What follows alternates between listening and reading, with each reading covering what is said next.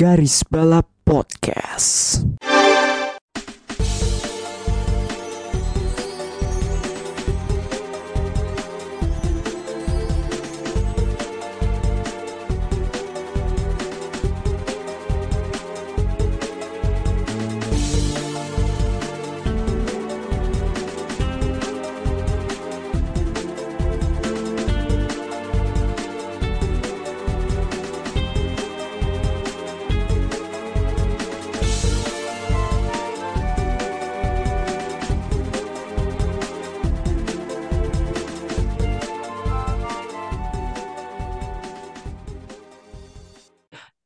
Kembali lagi di Garis Balap episode ke-119 bersama gue Bagus dan tentunya saya tidak sendiri ada Melinda dan Rifki seperti biasa.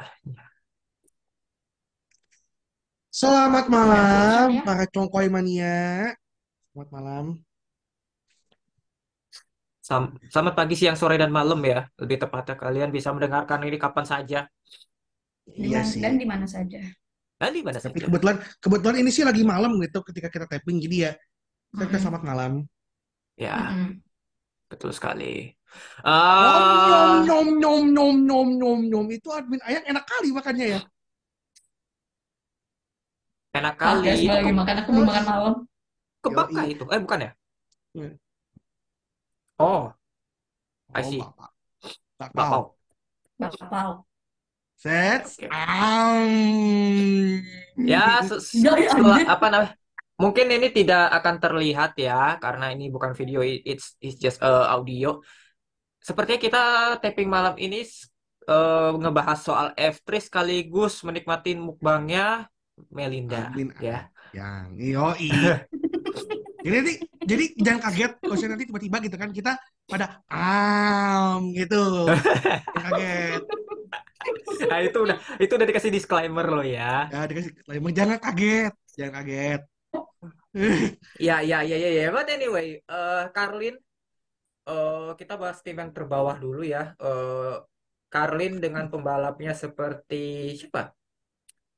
Oliver Oh, Gray, oh, Oliver Gray, Hunter Yini, Hunter Yini, eh, dan Ido Cohen. Hunter Max Yini sebenarnya Mark ya Verstappen sama Francesco Verstappen sama Simonazi. Simonazi. Sayang apa ya? Apa ya? Entah kenapa nih tim yang menurut gua dalam sejarah F3 F3 yang sebelum-sebelumnya ya F3 British, F3 European ini tim yang on the top level semenjak dipindah semenjak berganti enam sempat juga ke GP3 juga kan GP3 juga bagus dan lain sebagainya. Ke F3 2019 2020 2021 agak turun ya karena emang kontestannya lumayan banyak. Tapi musim ini cuma meraih dua poin doang dan itu juga diraih oleh eh Ido Cohen. siapa namanya? Ido Cohen. Ya, Bukan. ya, I mean memang what happened ya mengecewakan sih memang musim ini bisa dibilang kalian eh memang dari segi line up juga nggak yang wah gitu loh. ya Eh, dari dari dari beberapa tahun yang lalu juga begitu sih sebenarnya ya, dan dan memang sepertinya dari beberapa musim terakhir ini emang eh, Karlin ini udah nggak lagi jadi top destination lah buat buat pembalap-pembalap topnya F3 gitu kan. Yes. Eh, musim lalu pun juga kalau nggak ada Zach O'Sullivan itu makin amsong gitu kan tim. nah Mm-mm. Tuh, jadi eh, ya. memang musim ini ya. Eh Wally Gray juga walaupun full season tapi hasilnya selalu mengecewakan bisa dibilang. Eh, cukup sulit buat tembus top 10 eh terus juga eh ya apa lo bisa di bawah Tommy Smith sih? Itu udah tanya banget sih. Iya. Lord Tommy Smith ya. Tapi gitu ya jadi eh, gimana ya? Kalau soal Caroline ini nih eh ya emang mengecewakan dan juga Oliver kalau misal Oliver Gray ya musim lalu kan runner up dia dan itu juga di F4 ya yang kalau secara teorinya mobilnya F4 ke F3 F3 yang sekarang itu ada gap yang cukup besar gitu loh Ya. Karena kan emang emang sebenarnya di antara F3 sama F4 itu kan ada Freka. Paling Ya. make sense-nya adalah lu ke Freka dulu kalau untuk yang F4. Eh, jadi menurut gua juga Mm-mm. ya Gray semoga saja dikasih kesempatan oleh Williams Academy eh, untuk musim depan dan apa namanya menemukan tim yang lebih baik lagi yang bisa mengeluarkan potensi terbaiknya sih. Karena gue yakin Gray juga bukan pembalap yang buruk kok, nggak seburuk ini sebenarnya. Cuma emang timnya ya begitulah. Eh, lu juga di ini sama Aido Cohen, Aido Cohen juga di luar dia meraih satu-satunya poin Carlin tapi juga ya kadang ya seperti itulah being being a mediocre driver Begitulah. and ya and ya uh, speechless uh, dengan performa Carlin musim ini Uh, terus juga ada juga tim yang uh, langganan tim papan bawah tapi ini tidak di tim ini sudah tidak di dasar papan bawah lagi gitu. Ada Syarus yang meraih peringkat di apa namanya di championship standingnya di 9 6 poin dan ya oh sorry uh, PSM Racing by Syarus. Uh, dan juga poinnya juga diraih oleh Sofia Flores. Sebenarnya Sofia Flores meraih dua poin, tapi karena yang satunya itu kena penal diskualifikasi, Diskualifikasi. Ya Kenapa? diskualifikasi dan. Fiturisnya ini satunya di, lagi di di Zandvoort, Austria. eh Spa, iya, dan juga Spa, satu lagi Spa, di Spa, Spa. Yang Spa, balapan ajaib Spa itu. Race. Ah, Balapan yang Hmm. ngasu. ya, Ya, ya, eh, as expected kalau dari PHM. eh, tapi memang itu agak sayang banget sih Sophia kena kena kena diskualifikasi padahal itu balapannya bagus banget itu iya. di Bahkan menurut gue salah satu Hmm. balapan terbaik Sofia Flores juga sih. Eh bahkan menurut gue juga Spa kemarin bukan balapan terbaiknya dia karena emang itu kebantu banget sama beberapa pembalap yang salah strat gitu Strategi. kan bisa dibilang. Eh di Australia menurut gue terbaik itu balapan terbaiknya Sofia cuma ya kalau udah ngomongin apa lu melanggar regulasi susah juga ya. iya sih tapi F3 Ya, ini gimana belum ada kabar mau ini ya Ganti mobil. ganti ganti mobil ya Oh F3 ya F3 itu kan Belum. 2000 berapa Belum kan? belum. F3 kan tuh 2019 awal. 19 Ah 2019 Berarti mungkin 2024 mungkin 24. ada kabar. Mungkin Mungkin, 2024 ada kabar. 24, 2024. Iya, mungkin ya, mungkin. jadi jadi apa lebih mini version of eh, Super Formula kawin nama ini NXT tapi lebih lebih kecil lagi aja lebih kecil lagi. Oke, eh, itu tadi dari PHM dan ini ada tim yang apa namanya yang menunjukkan performa buruk sepanjang eh, keikutsertaannya di F3. Mau di F3 mana pun, mau di F3 Eropa, F3 misalnya F3 Prancis dan lain-lain gitu loh. Sejak keikutsertaannya di F3. ERT Grand Prix untuk pertama kalinya dalam 20 tahun terjun ke Formula 3 yang eh, dua tingkat di bawahnya F1. Untuk pertama kalinya dalam sejarah 20 tahunnya tidak pernah memenangkan satu balap pun. Satu balapan pun. Dengan Ya, squad yang ya? sebenarnya dengan squad yang bisa dibilang sorry, mediocre. Kyle Emang. Frederick, Gregor Sousi dan Nicolas Solov. Sebenarnya ini eh, kita kita apa namanya kita perhatikan Solov, Sousi ini kan cukup pembalap yang cukup ada potensi. But Ya, dan but somehow tidak tidak apa ya, tidak sesuai apa yang kita kira gitu. Ya terutama Solov sih. Solov, kita iya, kita kita tahu lah itu hype itu Hmm, hype itu gimana? kan iya, dengan oh dimentorin sama Alonso Mm-mm. Alpine Academy eh, la la la la la la tapi hasil lu rongkat anjing. Eh, kelihatan nih, oh, nih anak ke jam terbangnya cetek lah ya di single seater dan berapa kali juga sempat nafty bisa dibilang. Eh, apa namanya berapa kali melakukan manuver yang tidak perlu dan ya rusty sih bisa dibilang tanda kutip si Solov ini dan ya kalau untuk Sausi ya Sausi sorry sepertinya tempatmu emang bukan di single seater. Lu ya harus cari opsi lain. setuju setuju setuju. Kalau Frederick gua nggak heran sebenarnya. Tapi kayak gitu dia di atasnya Solof loh. Oh iya, oh iya. Cuma lu berada di ERT Grand Prix itu harusnya lu do, do apa ya menghasilkan something gitu loh. Tapi tidak. Ya tiga-tiganya, tiga-tiganya nggak Tiga-tiganya under under dan lebar banget. Mungkin nggak tahu underperform. ya. Eh mungkin sama kayak Prema waktu sempat jadi lawak. Besoknya pindah ke mana gitu kan, dipindah ke tim pemenangan Theo Posya mungkin. Ya, sepertinya nggak sesignifikan ini sih, Ki. Ya memang memang dari segi dari segi line up memang ya it's it's a big drop off walaupun ya kita di awal musim sempat kayak mikir anjing ya Solof bisa jadi sesuatu gitu kan. Iya. But unfortunately he didn't deliver dan Sosi juga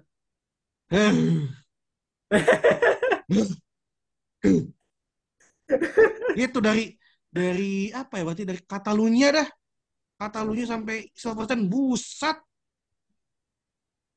Uh, underperform, underperform sekaligus emang ya emang sial aja udah apes dia. tuh gitu sih Terus, Padahal sebenarnya sempat meraih hasil baik loh di tiga balapan pertama cuma ya ya udahlah. Uh, untuk Sausi dan gue gak ngerti ya emang ini kayaknya F3 mobil F3 sekarang emang kalau untuk pembalap yang dari F4 langsung ke F3 kayak tidak begitu ramah bisa dibilang ya. Ya. Eh, untuk untuk pembalap yang dari F4 memang harus ada loncatan batu loncatannya dulu mungkin mereka dulu or, or ya mungkin F3 Asia dan lain-lain gitu untuk bisa apa ya menyesuaikan mobil F3 yang sekarang gitu loh. Kalau misalnya bicara dulu mungkin kan Formula Ford, F3 British, F3 Italia mungkin kayak pembalap-pembalap itu masih bisa menga- apa ya masih bisa beradaptasi gitu, beradaptasi langsungnya cepat. Cuma untuk F3 yang pada era modern ini kayak untuk pembalap F4 yang langsung dari F4 ke F3 kok kayak nggak ramah ya. Ya contohnya tadi Oliver Gray, sekarang Soloff. Eh, dan kebanyakan kan ya kalau bisa kita lihat ya di top 10 ini kan emang rata-rata ya kecuali Barnard sih Barnard dari F4 eh, dari F4 tapi sempat ke for- Formula Middle East kan Eh, runner ya up. seperti rasain di Mm-mm. apa ya regional kan? Ya sempat di Formula regional juga Tapi- eh, menyaingi Antonelli kala itu. Eh, tapi emang apakah kenapa? apakah ini apakah? Gue sempat bilang gini apakah ini eh tahun ini juga dengan mungkin nggak jarang ya pada pada mungkin private testing kali ya. Apalagi ke bekal mereka menuju ke F ke F3 ini loh. Iya. Jam private testingnya itu sih Bisa Mungkin banget. yang- mung- mungkin itu mungkin mungkin Mm-mm. mungkin karena kan mungkin. eh, berbeda dengan dengan F1 itu kan kalau di feeder kan secara ini lo maksudnya bisa kan private testing walaupun ya nggak pakai mobil yang sama gitu technically itu lo pakai mobil lama kan oh mobil GP itu Mm-mm. GP apa GP2 biasanya kan ya Mm-mm. jadi mungkin ya ada di situnya juga sih bisa bisa jadi ya dan memang yang gue lihat sekarang emang sebenarnya patternnya adalah eh, championship ini di F3 dan F2 itu bukan championship yang satu musim langsung juara itu sebenarnya agak bisa tapi jarang gitu loh sebenarnya iya pat, pat yang wajarnya adalah kan dua tahun Heeh. Itu dua tahun udah bagus sebenarnya. Eh terus juga ada VAR yang apa melanjutkan kiprahnya di F3 dengan pembalap Caio Collet, Tommy Smith, sama Rafael Villa Gomez. Dan tidak mengejutkan bahwa ini digendong oleh Caio Collet yang most likely ini akan menjadi musim terakhir ya di F3 dan mungkin di single seater karena kita nggak tahu apakah dia akan naik ke F2 atau tidak. Menurut kamu gimana soal VAR Akavan Sport Racing? Caio Collet peringkat Musim 9 loh. Ya musim kedua yang lebih oke lah Ya. Oke kok segini. untuk Dan- ketua asisten referee Ya dan apa ya mm, untuk apa ya dan nge-hire Colette menurut gue emang salah satu langkah yang bijak untuk VAR karena emang ya, ini tim oke kita kita mengenal VAR itu di F3 Eropa itu sangat apa ya bisa melawan tim-tim kayak Prema dan high tech dulu. High tech nggak nggak kayak sekarang dulu tuh. High tech bagus banget gitu. Tapi eh, ini kan sebuah championship yang baru. Meskipun dengan memakai nama F3 juga, but this is a kejuaraan yang baru dan mobil baru juga. Terus juga sistem weekend yang berbeda juga. Jadi ya ya ini musim keduanya dia kan, musim keduanya VR di Ya. F3 menarik sebenarnya cukup solid lah Eh, dan semoga saja eh, bisa VR bisa melanjutkan kembali eh, melahirkan pembalap-pembalap talenta ya. Ya, meskipun ya Colette menang, itu pun menangnya juga menang yang dalam tanda kutip ya balapan yang pendek ya bisa dibilang di di sprint race di Spa kemarin kala itu. But ya win is a win dan Colette juga nggak jelek kok beberapa kali meraih podium dan dibilang konsisten enggak, tapi sekalinya dia bagus, dia bisa meraih hasil yang baik podium dan kalau misalnya ngikutin balapan balapan apa ngikutin balapannya sih Colette ya cukup bisa mengganggu papan atas gitu loh. Meskipun ya dua pembalap itu menghilang ya, Tommy Smith sama si siapa Rafael Villagomez cuma ada sih ada sih VR, VR bisa bisa bisa bisa do better lagi untuk musim depan sih. Ini ini jadi ini yang apa eh, jadi bekal yang bagus buat musim depan. Oke, untuk VAR tadi dan ternyata kalau misalnya ERT cukup mengejutkan karena performanya sangat underperform, ada juga yang ini overperform bisa dibilang ya. Jenser, tim asal Swiss ini dengan pembalapnya Taylor Barnard, Alex Garcia, dan Nikita Bedrin. Ya oke, kita bisa bilang Taylor Barnard ngegendong ini tim, tapi beberapa kali juga Alex Garcia bisa ngelawan, Nikita Bedrin juga dua podium. Kayak Hmm. tidak seperti yang Jenser yang kita kenal sebenarnya. Ya, Pak. ini satu ketolong ketolong banget eh, sehabis summer break. Me- eh, terutama buat si Taylor Barnett itu bagus banget emang. Bagus banget. Bagus banget. Itu nah, tapi gue juga gak mau terlalu ini nih. Ini eh, engine discount kah mereka ngambil engine baru kah atau apa ini yang bikin mereka eh, tiba-tiba segacor ini? Ditambah juga di Spa ya strategi menolong. Ya, strategi menolong. Kondisi yang eh, itu Spa kan memang balapan ajaib gitu kan. Ya, Gitu. Jadi kayak ya eh Mm-mm. satu sisi juga eh Barnett juga memang anjing sih. dan Barnett emang bagus sebenarnya. Sebenarnya nggak nggak kita apa ya kita apa ya eh, mungkin di luar dari paruh musim keduanya yang cukup bagus. Paruh musim pertama itu sebenarnya nggak jelek loh. Ya Bagus oke sebenarnya. oke lah decent lah. Oke, oke, decent gitu Ya. loh. Eh, podium di race di Inggris yang itu juga balapan kampret juga. Eh, tapi di luar itu ya rentan poinnya di Albert Park race sampai ke Catalunya Eh, kan. ya, Eh, tapi ya jujur gue pengen berharap banget mudah-mudahan satu Tyler Barnett dapat dapat eh, deal bagus dengan akademi ada akademi yang lirik. Kedua ada eh, dia bisa mendapatkan funding yang lebih bagus biar bisa masuk ke tim-tim top semoga saja gue berharap Barnett bisa ya seperti yang tadi eh seperti yang pernah gue bilang kan di episode sebelumnya ini soal si Tyler Barnett ini. Kalau dia ke tim yang katakanlah MP, ERT atau siapa lagi ya? Eh mungkin Prema kejauhan kali ya. Eh, Trident, well, Barnett perlu kita pantau gitu. Asal jangan high tech aja, udah itu aja. High tech kadang suka ngadi-ngadi. Ya, we'll see, we'll see performa Asal jangan dari high tech. Iya, asal jangan high tech. Kita lihatlah eh, performa mantan anak didik dari sang tukang jinx Nico Rosberg. Hmm. Eh, performanya akan seperti apa? Tapi emang Barnett nih gila. Gue aja kaget loh sebenarnya dia bisa di top 10 gitu loh di klasemen akhir. Dan dia finish di podium di Monza yang menurut gue itu movementnya ke Colette itu di Lesmo tuh gila itu di lap akhir itu mulus banget Hmm. gitu. gue bener-bener speechless soal Taylor Bantan. Gue pantau nih anak untuk tahun depan kalau misalnya dia emang bisa ke F3 apa bisa di bertahan di F3 lagi dengan tim yang lebih baik. Kudos tapi buat Janser juga ya. Eh, ini tim sebenarnya juga bukan tim yang jelek juga, eh, cuma emang lu Langganannya biasanya aja. langganannya ada di bawah. Ya langganannya ada di bawah dan emang susah aja sih lu mendandingi Prema, Trident, MP, Campos, High Tech yang lebih memadai. Ya lebih punya sumber daya yang lebih inilah. Iya, itu.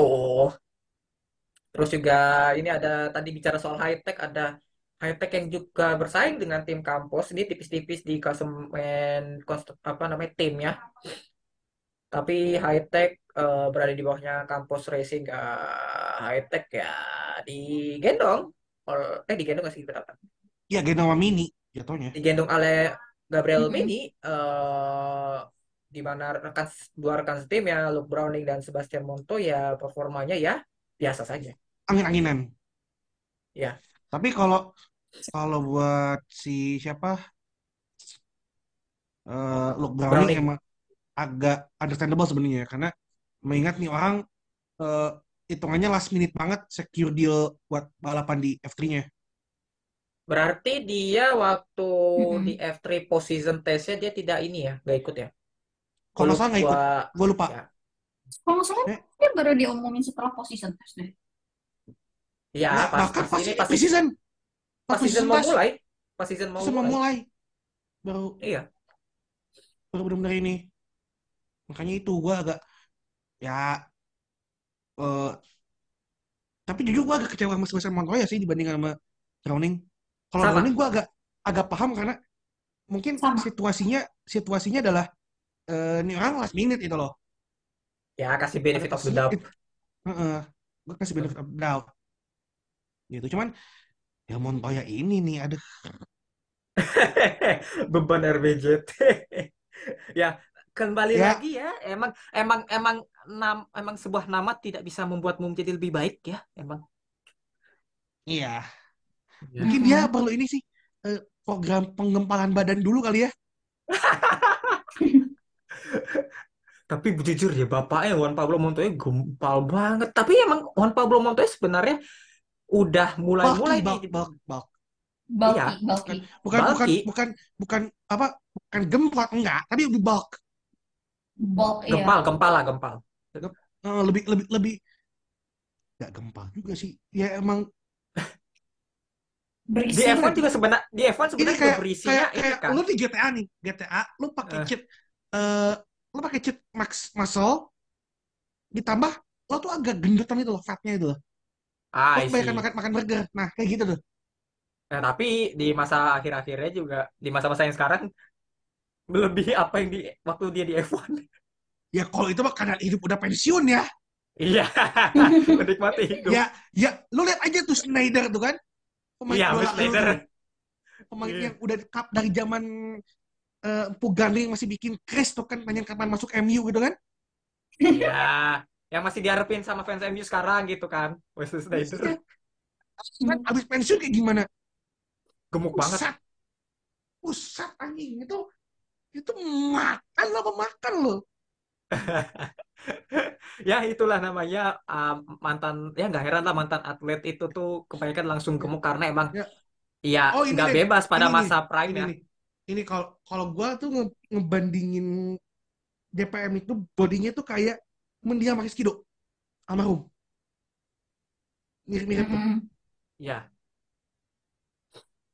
Mirip, kayak, mirip, mirip. kayak, kayak gitu lah. Mirip ya. Tapi tapi anyway eh, soal anaknya nih kita nanti nanti saja ngomongin JPM tapi untuk anaknya cuma satu podium doang dan sisanya ya angin-anginan Ya, terus tapi juga juga sempat kena, itu kan high tech juga sempat babak sempat kena di SQ berjamaah juga kan? ya Ya, sempat kena di SQ juga kan? Iya. Ah. Browning. ah, betul jadi ya cuma digendong oleh Gabriel Mini yang menurutku juga performanya cukup mengesankan musim ini untuk musim pertama dan aduh sayang banget ya di Bahrain yang sprint race eh sprint race apa fitur race ya fitur race ya yang dia pole position terus kena penalti lagi mimpin Oh iya Vi- eh Pinterest. Iya, Vitores. Vito, Vito, Vito, Vito, mimpin banyak karena track limit kalau tidak salah Terus eh anjing safety car di akhir ya. Ya udah terjun. Untungnya masih bisa poin loh. Iya, percuma bisa poin. Sama ini sih, sama di Spa DNS. Di Spa juga di NS karena kalau nggak salah Gitu. kar ini kan hujan juga itu. Eh, dan juga kemenangan dia di Monaco cukup mengesankan juga bagi dia ya. Eh, pole position bisa meng apa sih namanya bisa nggak bisa menyelesaikan dengan sangat baik. Fastest lap juga. Sama Ada beberapa momen ini. kayak ya aduh gitu loh. yang sudah yang yang emang udah di depan mata itu akan jadi hasil yang bagus tapi ya sudahlah malah langsung diputar balik 180 derajat ya. Tapi emang Mini itu oh, dua kali ya? ya dua kali menang. Hmm. ya ya ya ya. Eh, terus kita ini ke tim yang juga digendong oleh satu pembalap yaitu Pepe Marti yaitu Campos Racing.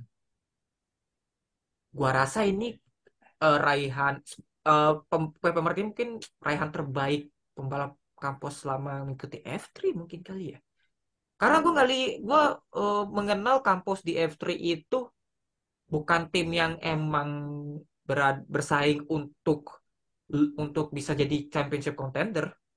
Ya. Gak bisa bilang ini Ya, ya. Marty bener-bener menggila sih.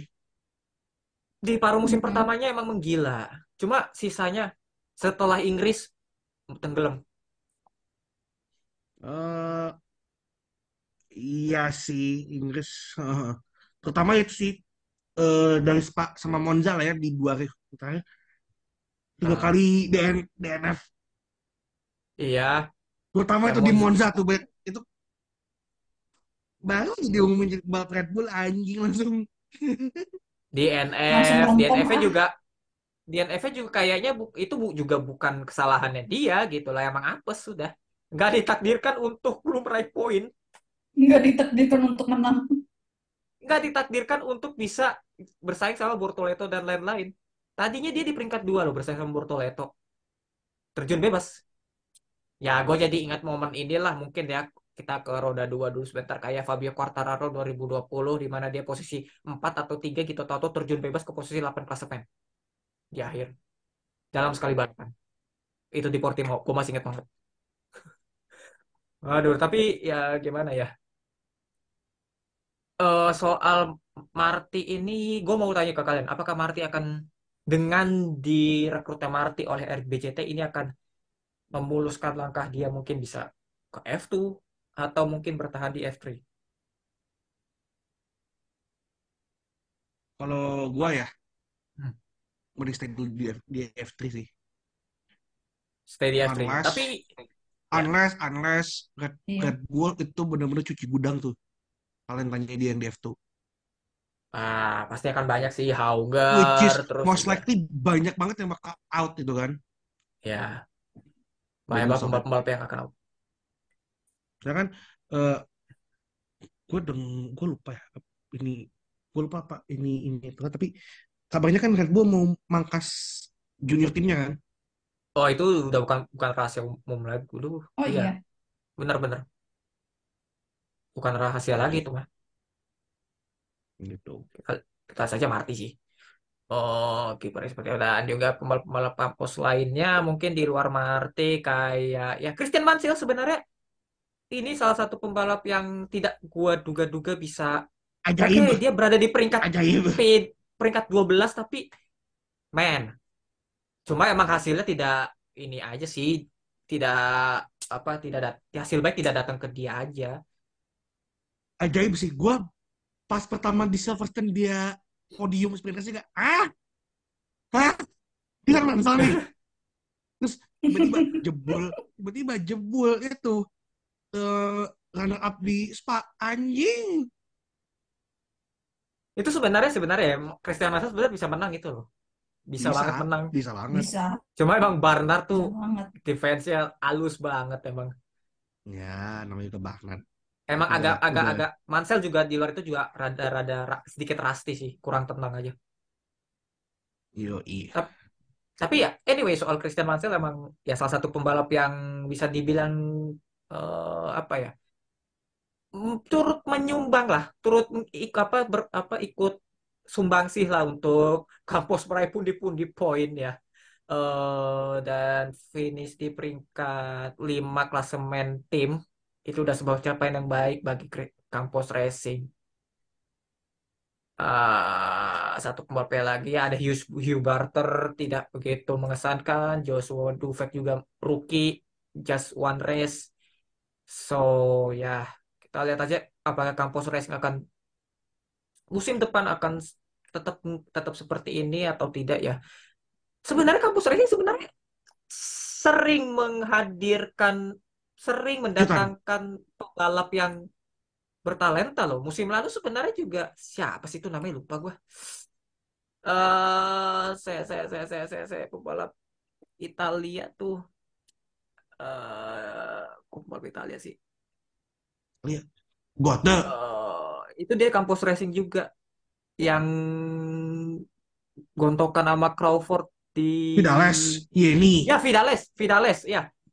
Vidales. Oh, Vidales. Vidales Ya. sebenarnya juga pembalap bukan jelek sebenarnya, cuma emang ya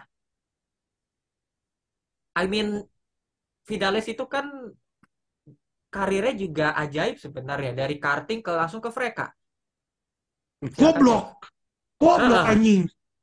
Freka dan dan langsung di dan juga direkrut sempat direkrut Prema dan juga tuh menghasilkan ba- hasil yang baik cuma langsung ke F3 raih satu kemenangan but itu tidak cukup.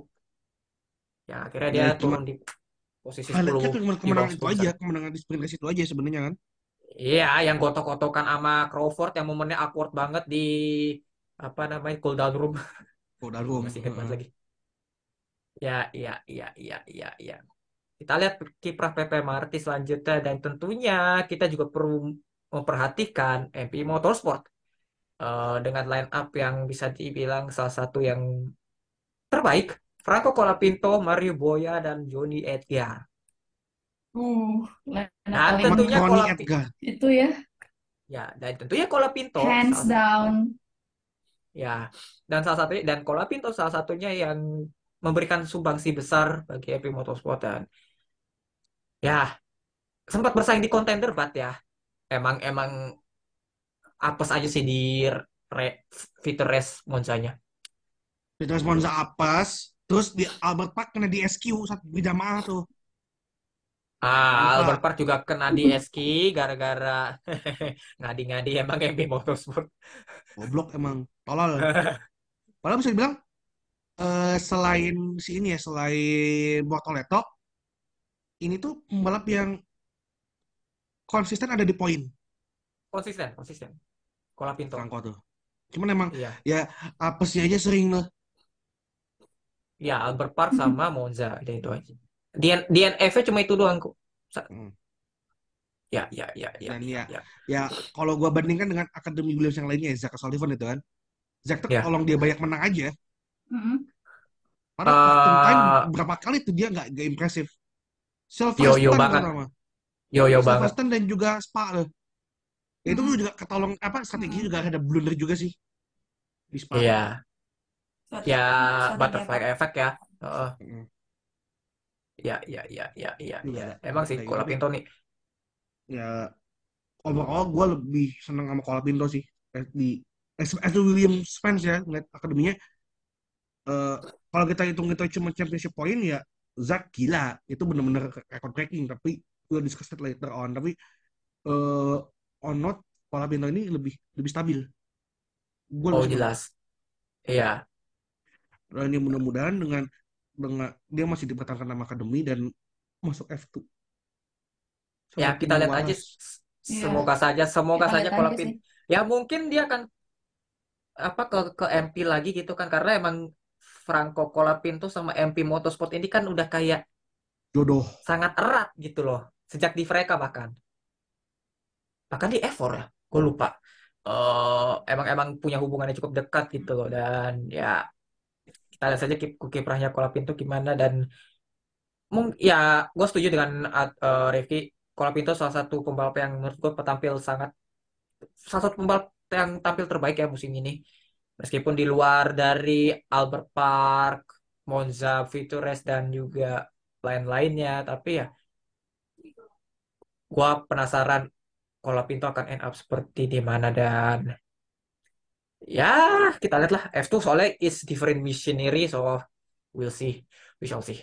Tapi Eh, tapi musim depan kan jangan lupa musim depan ini loh, musim depan blank sheet of paper loh. Ya ya as I said it's it's different machinery juga gitu dan meskipun mobilnya baru but ya lu juga nggak bisa ngebaca juga mobilnya akan seperti apa sama seperti yang lainnya. Jadi ya kalau bicara soal apa namanya rekan setim yang lainnya Mari Boya sama Johnny Edgar. Eh oke lu kan emang sangat memantau Johnny Edgar gitu. Apalagi musim lalu kan dia musimnya kepotong lah ya gara-gara dia terkena penyakit Crohn disease. Kondisi menurut lu gimana soal Johnny Edgar? Mm-mm. or is this this is your expectation Gua- or this is below? Gua masih kaget nih orang bisa bisa menang di Monza. sama sebenarnya. Sama, sama, sama. Eh, karena ya jujur gua musim ini ngeliat, ngeliat Johnny kayak ya udahlah lo lo lo udah secara fisik lo udah masih akan sangat struggling gitu kan. Kondisi is, is, is not a joke. Eh ya cukup oke lah. Bisa nyuri-nyuri poin where it where it count. Eh Iya. but ya. Ya paling gua kaget ya itu sih. Tiba-tiba bisa ada di Monza tiba-tiba lo kok lau bisa bagus anjing. Iya ya meskipun kebantu sama Oliver Gote yang di NS ya. Ya Gote, pedal gasnya bermasalah. Allah. Gote, gote. ada ada kesempatan menang kok gini lagi sih ya? Gote Gote. Ya ya ya. Ya udahlah ya. Tapi iya makanya tapi di luar itu gue itu gue gue ba- Edgar. Defense-nya Johnny bagus banget. Iya gue Monza Edgar bisa menang. Itu anjing sih. Safety car ini ada iya. Memang. Dan apa cuman namanya? eh, jujur gua nggak tahu plannya dia setelah ini mau gimana. That, that's the Oh. biggest thing. Kan udah udah nggak ada backingan Red Bull juga ya nggak tahu nih keluarg- keluarganya masih punya duit gak nih Ya, makanya sempat gue singgung kan pertanyaannya. Ya, di Victor Race Monza kemarin, it's it's his first win or In- it's in going F. to be his last win Ya itu. either gitu loh. gue sih mudah-mudahan nih it's, it's, it's the beginning ya Oh. Nah, mudah-mudahan tapi ya Ya, semoga banget, semoga balapan- banget sayang. balapan kan jahanam ya Ya jangan Mm-mm. jahat emang dunia ini dunia balap jahat ya sebenarnya. Gitu. jadi ya Iya, ya iya. nggak tahu lah eh, but wish him all the best lah Wish Gitu him all sih. the best dan untuk Mariboya musim perdananya dia ya emang kita nggak expect apa-apa soal Mariboya juga, but ya dia juga meraih di sprint race-nya 1-3 Iya. FP Motorsport, Franco Colapinto menang eh dan tidak expect juga Mariboya bisa berada di podium, tapi emang beberapa kali he's doing really well juga di papan tengah gitu kan. Dan ya kita melihat kita lihatlah pembalap-pembalap ini akan ya kiprahnya dia gimana. dia tuh poin posisinya tuh empat kali eh sorry, sorry. Eh, Lima eh lima lima lima lima kali poin posisinya Mariboya. ah. Yang top 10 Nah, Mariboya bukannya lagunya ini ya Rey Mysterio ya? bodoh lanjut kita akan bahas eh, runner up juaraan ini Iya iya iya. iya. Oke, kita langsung saja. Runner up. Hidup, hidup ya Allah. Terus gue udah Oke, udah udah kita udah dulu ini, ya ini, sekali. ini kalau kalau lo masih lanjut bercanda kayak gitu ya eh, gua end aja langsung nih kita kita nggak usah bahas Prema sama Trident aja udah Ah, tapi ya Trident. Eh, langsung ke ini beginning of kita bicara soal Trident. Kan gue sempat di preview bilang bahwa Trident ini line up-nya bakal jadi yang paling underrated di musim ini gitu. Fornaroli, Guartoleto, dan Gote. Tapi di luar dugaan, Bortoleto bisa sebagus itu. Gote ya kalau Gote eh, agak di luar dugaan, agak di luar dugaan maksudnya agak di, di bawah ekspektasi gue. Cuma masih ya ya masih oke lah. Fornaroli ya beberapa kali mencuri podium tapi ya masih oke gitu loh. Jadi emang Trident ini emang tim yang wow, musim ini luar biasa solid sih. Tapi kalau kita ngomongin Borto, terutama Borto dulu deh. Ini orang Borto dulu. konsisten aja. Modal modalnya dia tuh bukan bukan modal menang banyak gitu loh. Meskipun dia dia ad- Ada di konsistensi. meskipun dia konsisten, tapi sebenarnya kalau lihat dari gaya balapnya Bortoleto, Mossack Masika lumayan loh. Iya, Lumayan loh sebenarnya. itu yang ada eh when it come dia bisa ada di poin posisi itu loh. Di sprint, ya di sprint Di race luar, kemarin tuh. di luar, di luar ya, di luar, di luar spa, di luar spa. Ya kan. di luar Spa. Ya itu Spa emang another eh case lah bisa dibilang. yang menghambat it, yang sempat menghambat punya meraih eh, championship lebih awal. Tapi anyway soal Karena buat eh, buat buat gue ya, buat buat gue nih. Hah? Andai kata eh Zack itu bisa lebih konsisten, di championship could, be- could be much more closer dan mungkin aja Zack jadi juara. Ya mungkin saja, tapi sayangnya nih orang yoyo juga di eh, gitu. Bahrain, Hmm. Silverstone, Spa, dan juga di Monza sempat tidak begitu konsisten. Jadi terutama pada saat dia sudah diumumkan jadi pema- apa gela- apa eh, juara F3 di sprint race-nya dia tidak santai tentunya. Dia masih tetap ingin balapan dan sempat mencuri posisi dua dan mencuri posisi dua runner up di sprint race dan juga wah lumayan Pak. Mossack Masika itu cukup menghibur itu loh. Iya, iya memang, memang, memang dan ya anak didik eh, FA14 memang kelihatan lah ya Ya, A14 Academy. Eh, manajemen, sorry. manajemen. Demi. Ya. Eh, tapi bicara soal Gote, Fornaroli, nggak jelek lah ya. Oke. Ah, nggak. Eh, terutama sih buat Goto ya. Ya Gote. Walaupun walaupun perlu kita highlight juga itu dari Albert Park dari dari Iya. Australia sampai ke Silverstone eh, sprint Amsyong. Makanya Amsyong itu loh. Kalau kagak mungkin bisa bisa nyenggol-nyenggol tipis nih papan atas gitu loh. Gila, hitung-hitung dia tuh cuman cuman finish yang ini ya. Poin tuh satu dua tiga empat lima enam enam kali finish 6 kali finish point dan, dan finish pit ratio apa pun juga kehitung berapa biji gitu. Untungnya setiap dia finish itu ada di top 6 at least. ya Bantu ya. ya Bantu jumlah poin. ngebantu banget. Tapi ya Mhm. itu di fitur race yang di Monza itu gua pasti tidak menyangka. belum balap Ya. belum balapan. ya udahlah di luar di luar itu di luar itu gitu gua gua sih masih menyayangkan ya ini orang dari dari Australia sampai ke Silverstone sprint ya hasilnya kalau kita berkaca dari hasil aja gitu ya itu Mhm. mengecewakan ya momen kebangkitannya mungkin di Silverstone kali ya. Eh, setelahnya hasilnya lumayan. Meskipun tidak dibilang sangat baik atau baik, tapi ya lumayan untuk untuk untuk Gote. lumayan Full season pertamanya dia. gitu Tapi kalau soal Fornaroli, ya seperti yang gue bilang kan, eh, tiga pemut Trident ini bisa dibilang line up-nya cukup underrated dan salah satunya Fornaroli yang, hah, meraih berapa pundi-pundi poin dan podium, khususnya di Monaco. Runner up hampir menyalip Pepe Marti. ya Kita langsung saja mungkin kali ya ke supremasi eh Prema Racing.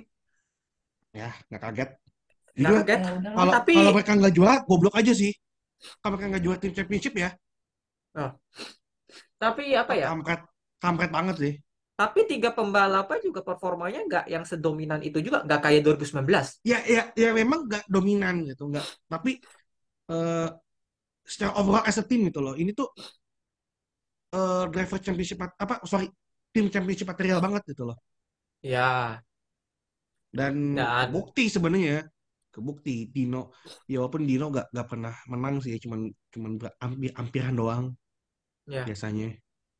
Jadi cuman cuman eh, podium doang. Tapi eh siapa? Eh Paul Aron terus ya again si Merchant P1 tapi sisanya ya naik turun gitu kan Zach Sullivan Iya. Iya. pembuat sejarah dengan berarti dia tuh pe- pemen apa orang dengan jumlah pemenangan terbanyak kan ya selama Salah satu, F3 salah satu. in Kalau nggak salah season. yang ya ya ya ya, ya benar benar benar. Iya kan? Cuman ya kembali lagi Iya. sayangnya ini orang yoyo banget hasilnya anjing anjing. Iya. Nah, cuma meraih pole position di Hungaria doang. Pada udah membantu. udah udah apa udah nggak gue kan udah bilang kan gue menjauhkan dia sebagai juara kan Iya. gimana nih orang gendong tapi ya anjing anjing Tapi Dino Bogdanovic rookie sebagai rookie dia ya tampil oke, baik. Tapi ya ya bisa dibilang cukup gua oke mengharap walaupun gua mengharapkan dia sebenarnya bisa paling tidak mendekati Zach or Aaron, tapi ternyata banyak beberapa miss opportunity dia yang ya hasilnya tidak memuaskan. ya gue pengen gue jujur sebenarnya gue pengen pengen itu ya ada di top 4 sebenarnya ya. Dino nih Oke. bahkan top Ya, top sem- 3 bahkan seingat gue kan prediksi gue kalau nggak salah. Gue lupa. Ya, I need to ya, check it again tapi ya da- ah tapi buat buat buat rookie ya ini oke lah ya Dino Bogdanovic semoga saja dia ber- bertahan di Prema dan menjadi championship con- contender musim depan.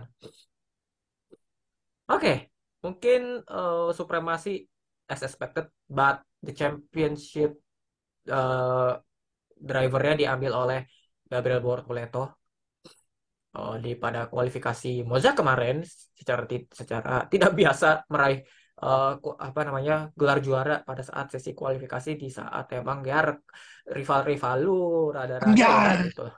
Iya. Itu kalau misalnya ya si Paul Aron atau Zack yang bisa meraih pole position mungkin bisa lanjut itu di sprint race.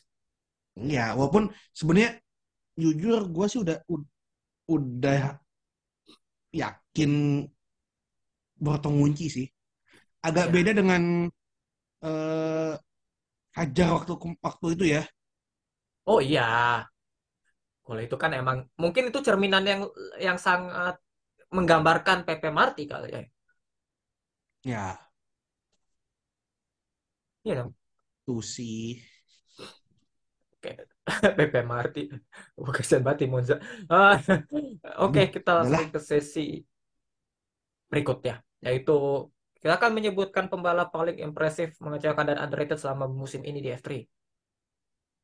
overall ini ya overall satu musim ya Iya, kita kita ngeliat mungkin siapa dulu ya?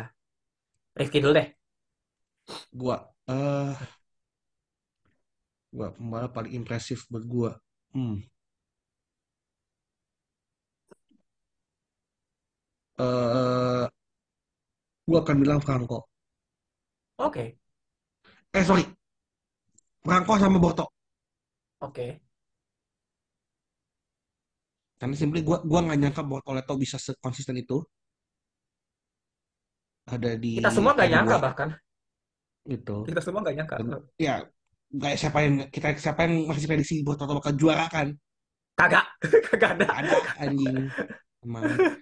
Eh Koala ya gua lebih seneng ini aja sih. Gua eh seneng liat ya dia bisa dapat eh, ya bisa he, he can showing off that is such a capable talent kita udah bi- eh ini orang emang resumenya memang anjing sebenarnya jangan lupa Eh, eh, eh. eh, Udah udah terlihat kok itu sebenarnya dari zaman kelihatan di dan F4. ya mudah-mudahan bisa dapat tim yang layak di F2 kalau dia naik ke F2 Ya, gitu sih ya MP paling tidak. paling tidak. MP terus tadi apa lagi pembalap Eh, mengecewakan sama underrated. mengecewakan hmm mengecewakan Yang below your Orang bisa bilang expectation aja.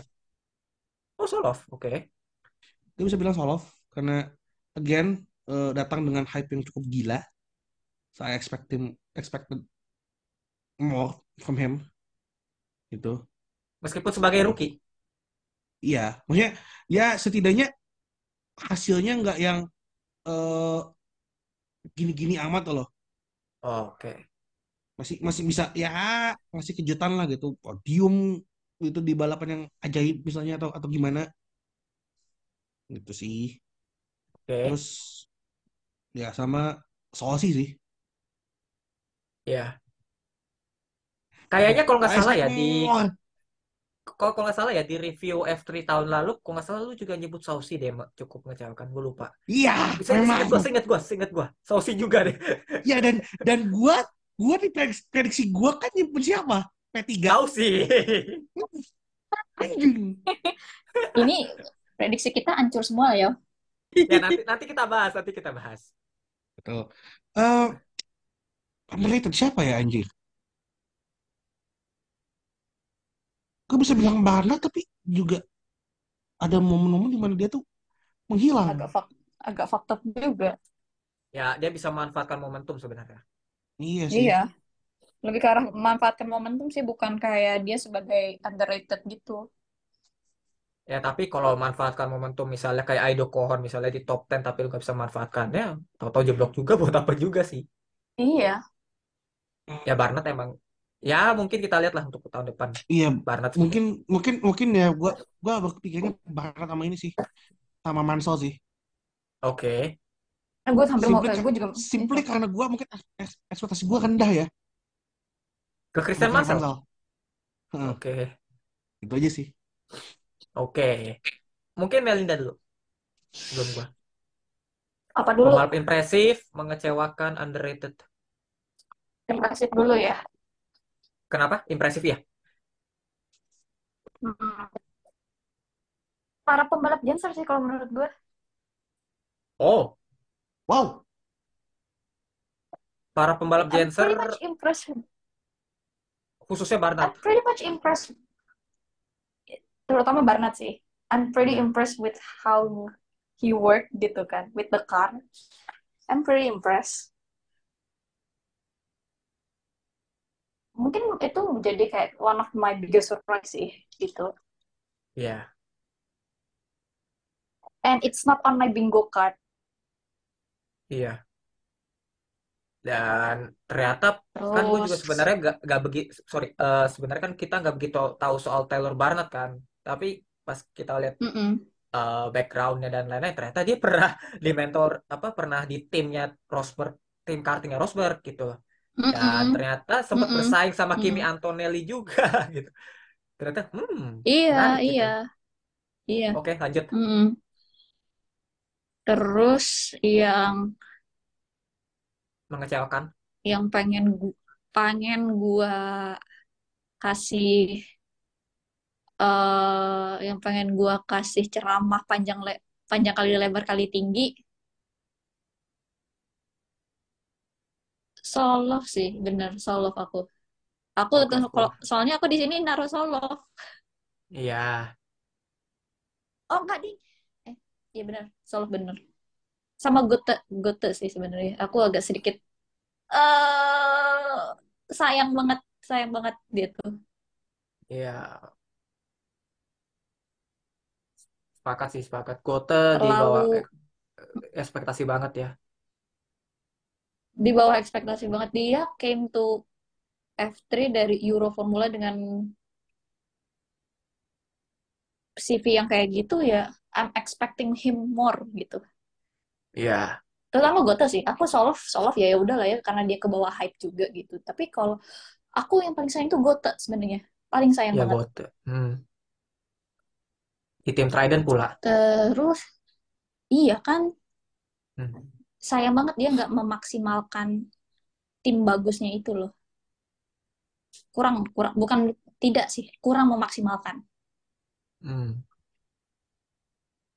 terus apa lagi? Tadi gue lupa. Uh, underrated. Underrated ya. Susah, eh. underrated tuh siapa ya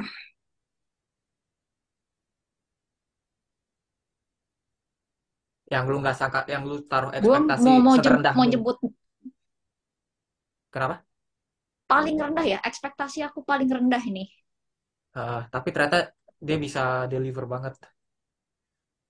Hmm, jujur gue mau ngomong Sofia sih. Oh. Oke. ya gue nggak expect gue nggak expect dia untuk perform banget lah gitu.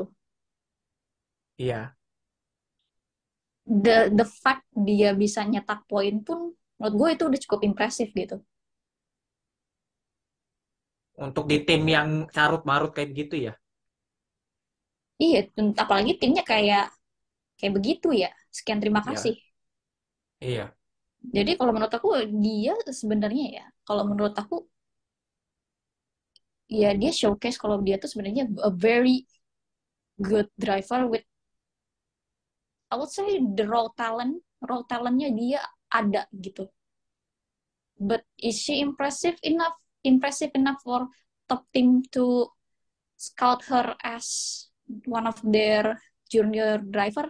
I don't think so. Tapi dia punya so. potensi buat eh untuk setidaknya bersaing di papan tengah. Ya, Curi-curi paling poin kayak gitu bisa.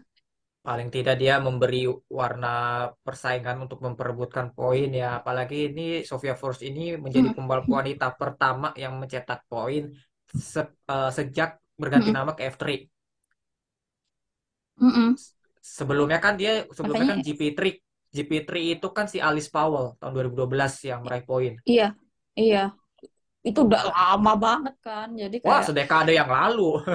satu dekade ya, sebel- 11 tahun yang lalu gitu Iya. juga. Jadi ya ini ha- harus kita patut kasih jempol lah gitu buat Sophia gitu kan meskipun dia nggak dapet tim yang bagus gitu tap, dan dapet timnya tuh yang acurut abis gitu. Ya.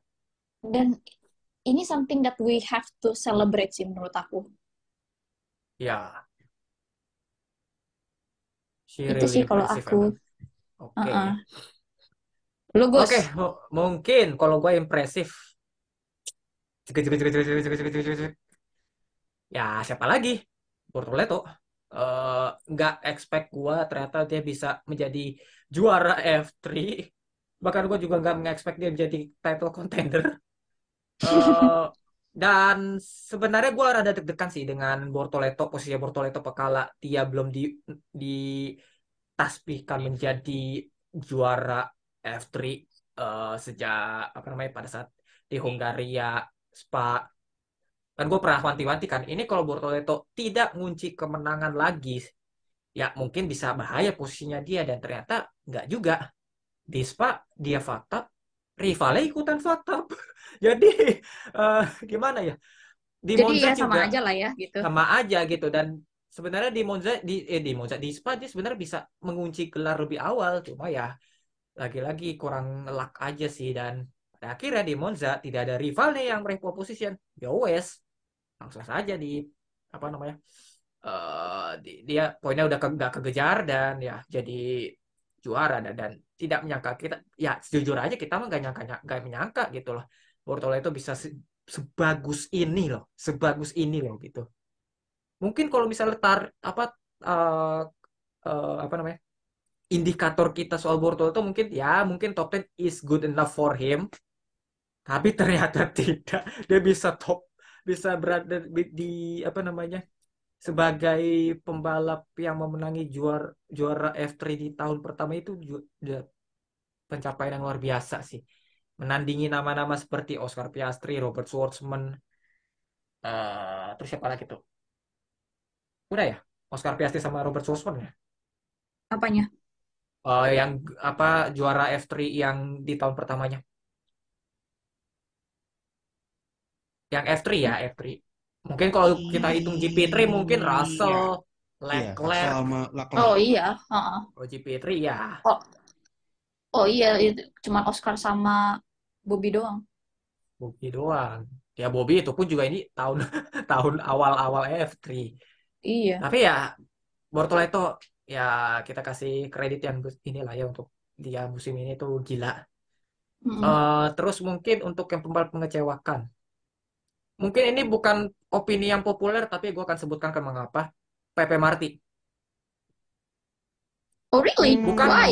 bu- bukan karena gue expect dia bisa jadi juara, tapi karena berdasarkan sec- second half seasonnya sih. Yang oke dia apa ya beberapa kali cukup tampil apa ya beberapa kali eh, unlucky, tapi juga kualifikasinya begitu-begitu aja. Ya mungkin oke Spa pole position, cuma dia nggak bisa memanfaatkan itu. Dia sama timnya sih. Jadi ya bagi gua sejak sejak sejak Silverstone tuh eh, udah udah sejak apa sejak Silverstone Hungari Spa dan Monza dan udah turun nih anak. Dari yang tadinya runner up atau peringkat tiga itu bisa terjun ke peringkat lima itu gimana cerita? Dan gue yakin Pepe Marti nggak senang dengan hasil ini. Berdasarkan Jelas. dari first first half seasonnya dia yang bagus banget performanya. Bisa menandingi Bortoleto bahkan menurut gue tapi nyatanya tidak. Poinnya cukup jauh bahkan dari Bortoleto 59 Jauh ya.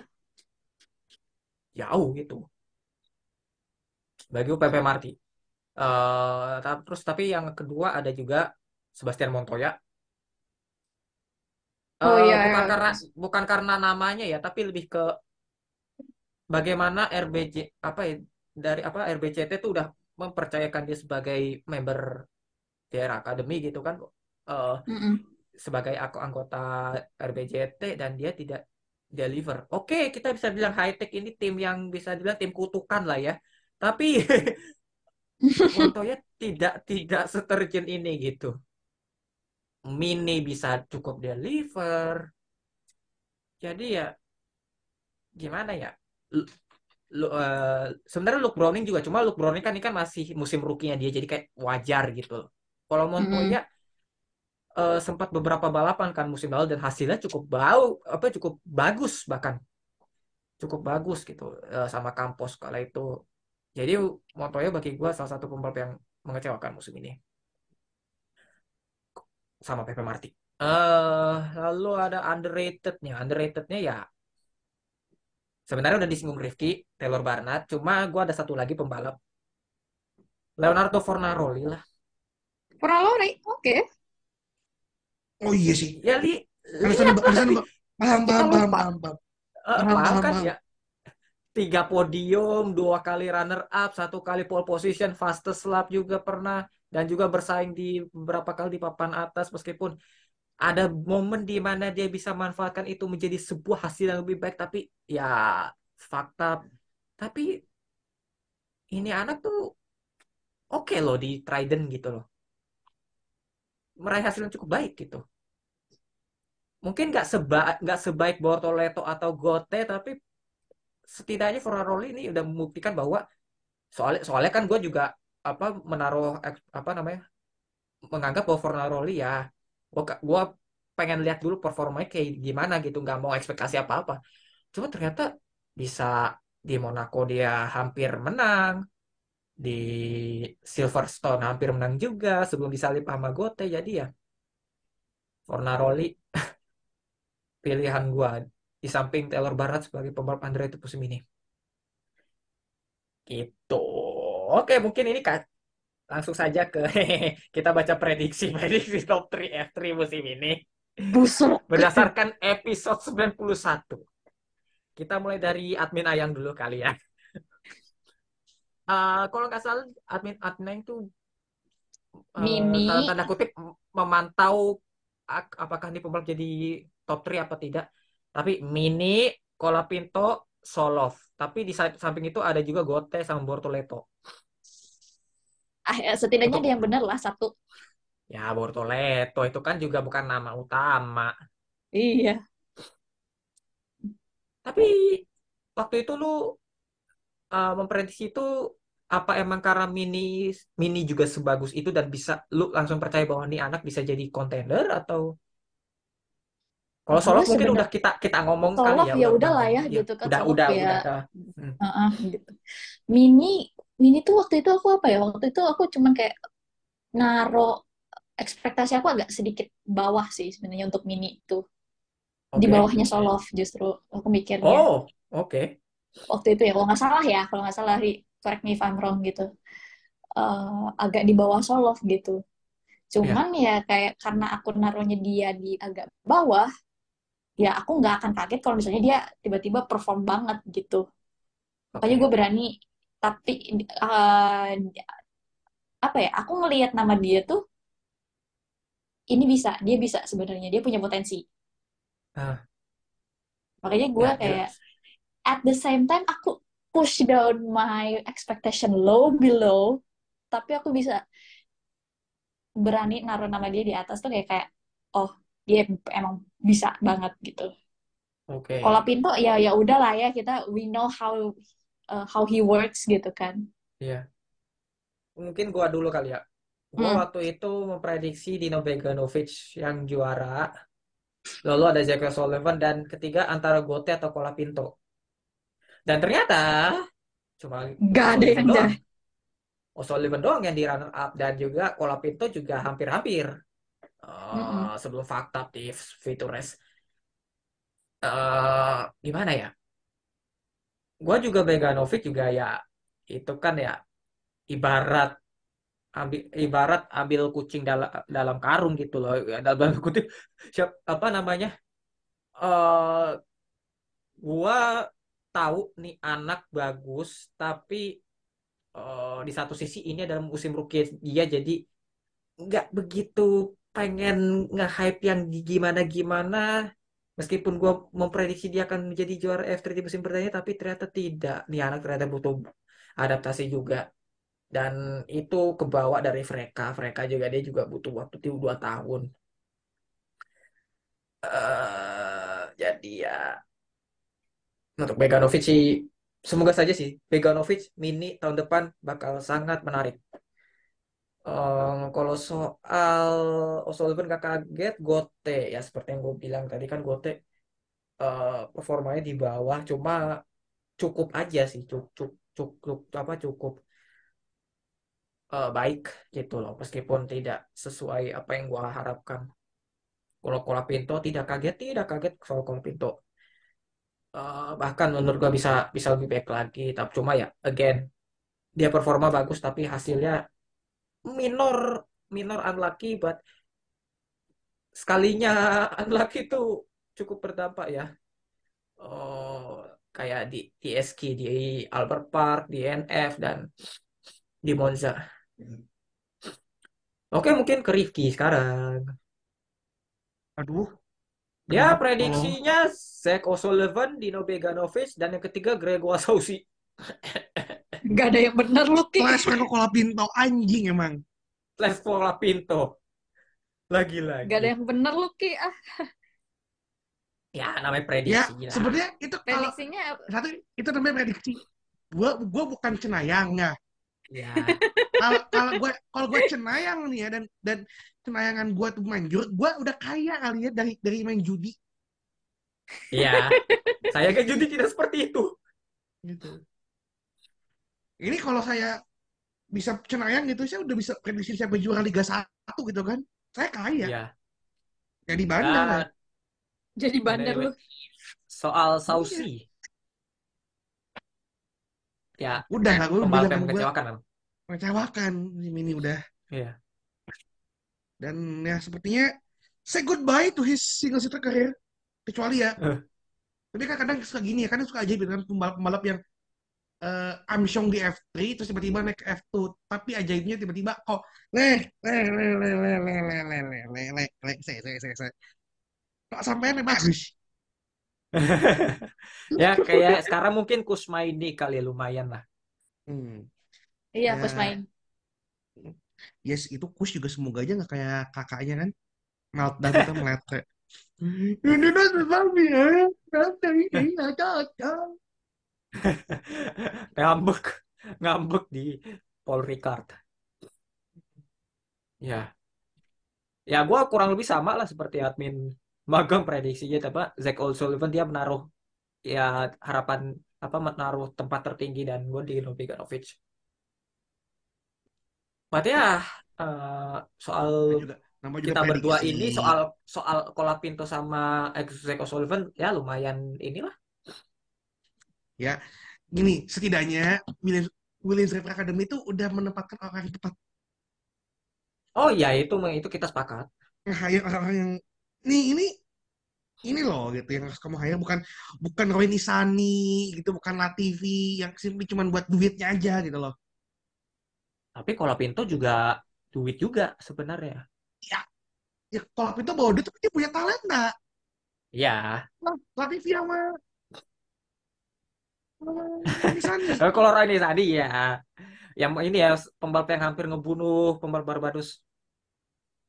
Bukan Oh my dia aja, God. bukan cuma dia aja yang mau dibunuh. Auger. Auger juga tahun lalu kan mau dibunuh. Eh, eh, Mungkin itu aja mungkin ya dari kita kali ya. Oke. Kalau soal review F2 masih lama. Masih dua bulan lagi berakhirnya. Ya pastinya kita juga kalau untuk F2 mungkin kita akan begini juga kali ya konsepnya ya. Nyebutin kita pembahasan lalu impresif, me- mengecewakan underrated pembalap musim ini juga. Prediksi juga Mm-mm. akan kita ungkapkan yang akan menambah keseruan episode itu kan. Dan gue sempat mendengar beberapa apa prediksi F2 kalian dan ya emang agak emang aku agak agak agak F2 agak agak F2 bagong. aku Eh apa nanti ya? nanti nah, nanti nanti kita inilah kita ah, kita sebutin pada saat musim F2 telah berakhir. Oke, mungkin itu aja mungkin dari kita.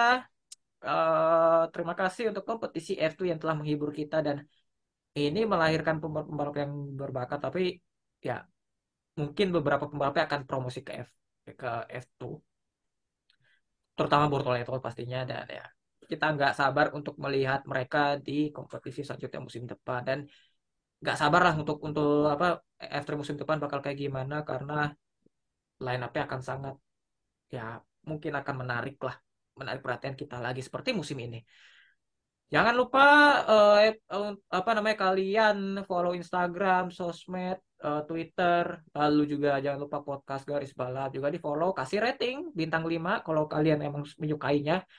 Eh, lalu jangan lupa subscribe YouTube kita Garis Balap. Dan itu saja mungkin dari kita. Gue Bagus Menda dan Rifki undur. Sampai jumpa di episode yang cukup singkat ini. Salam Motorsport Indonesia. Have a nice day.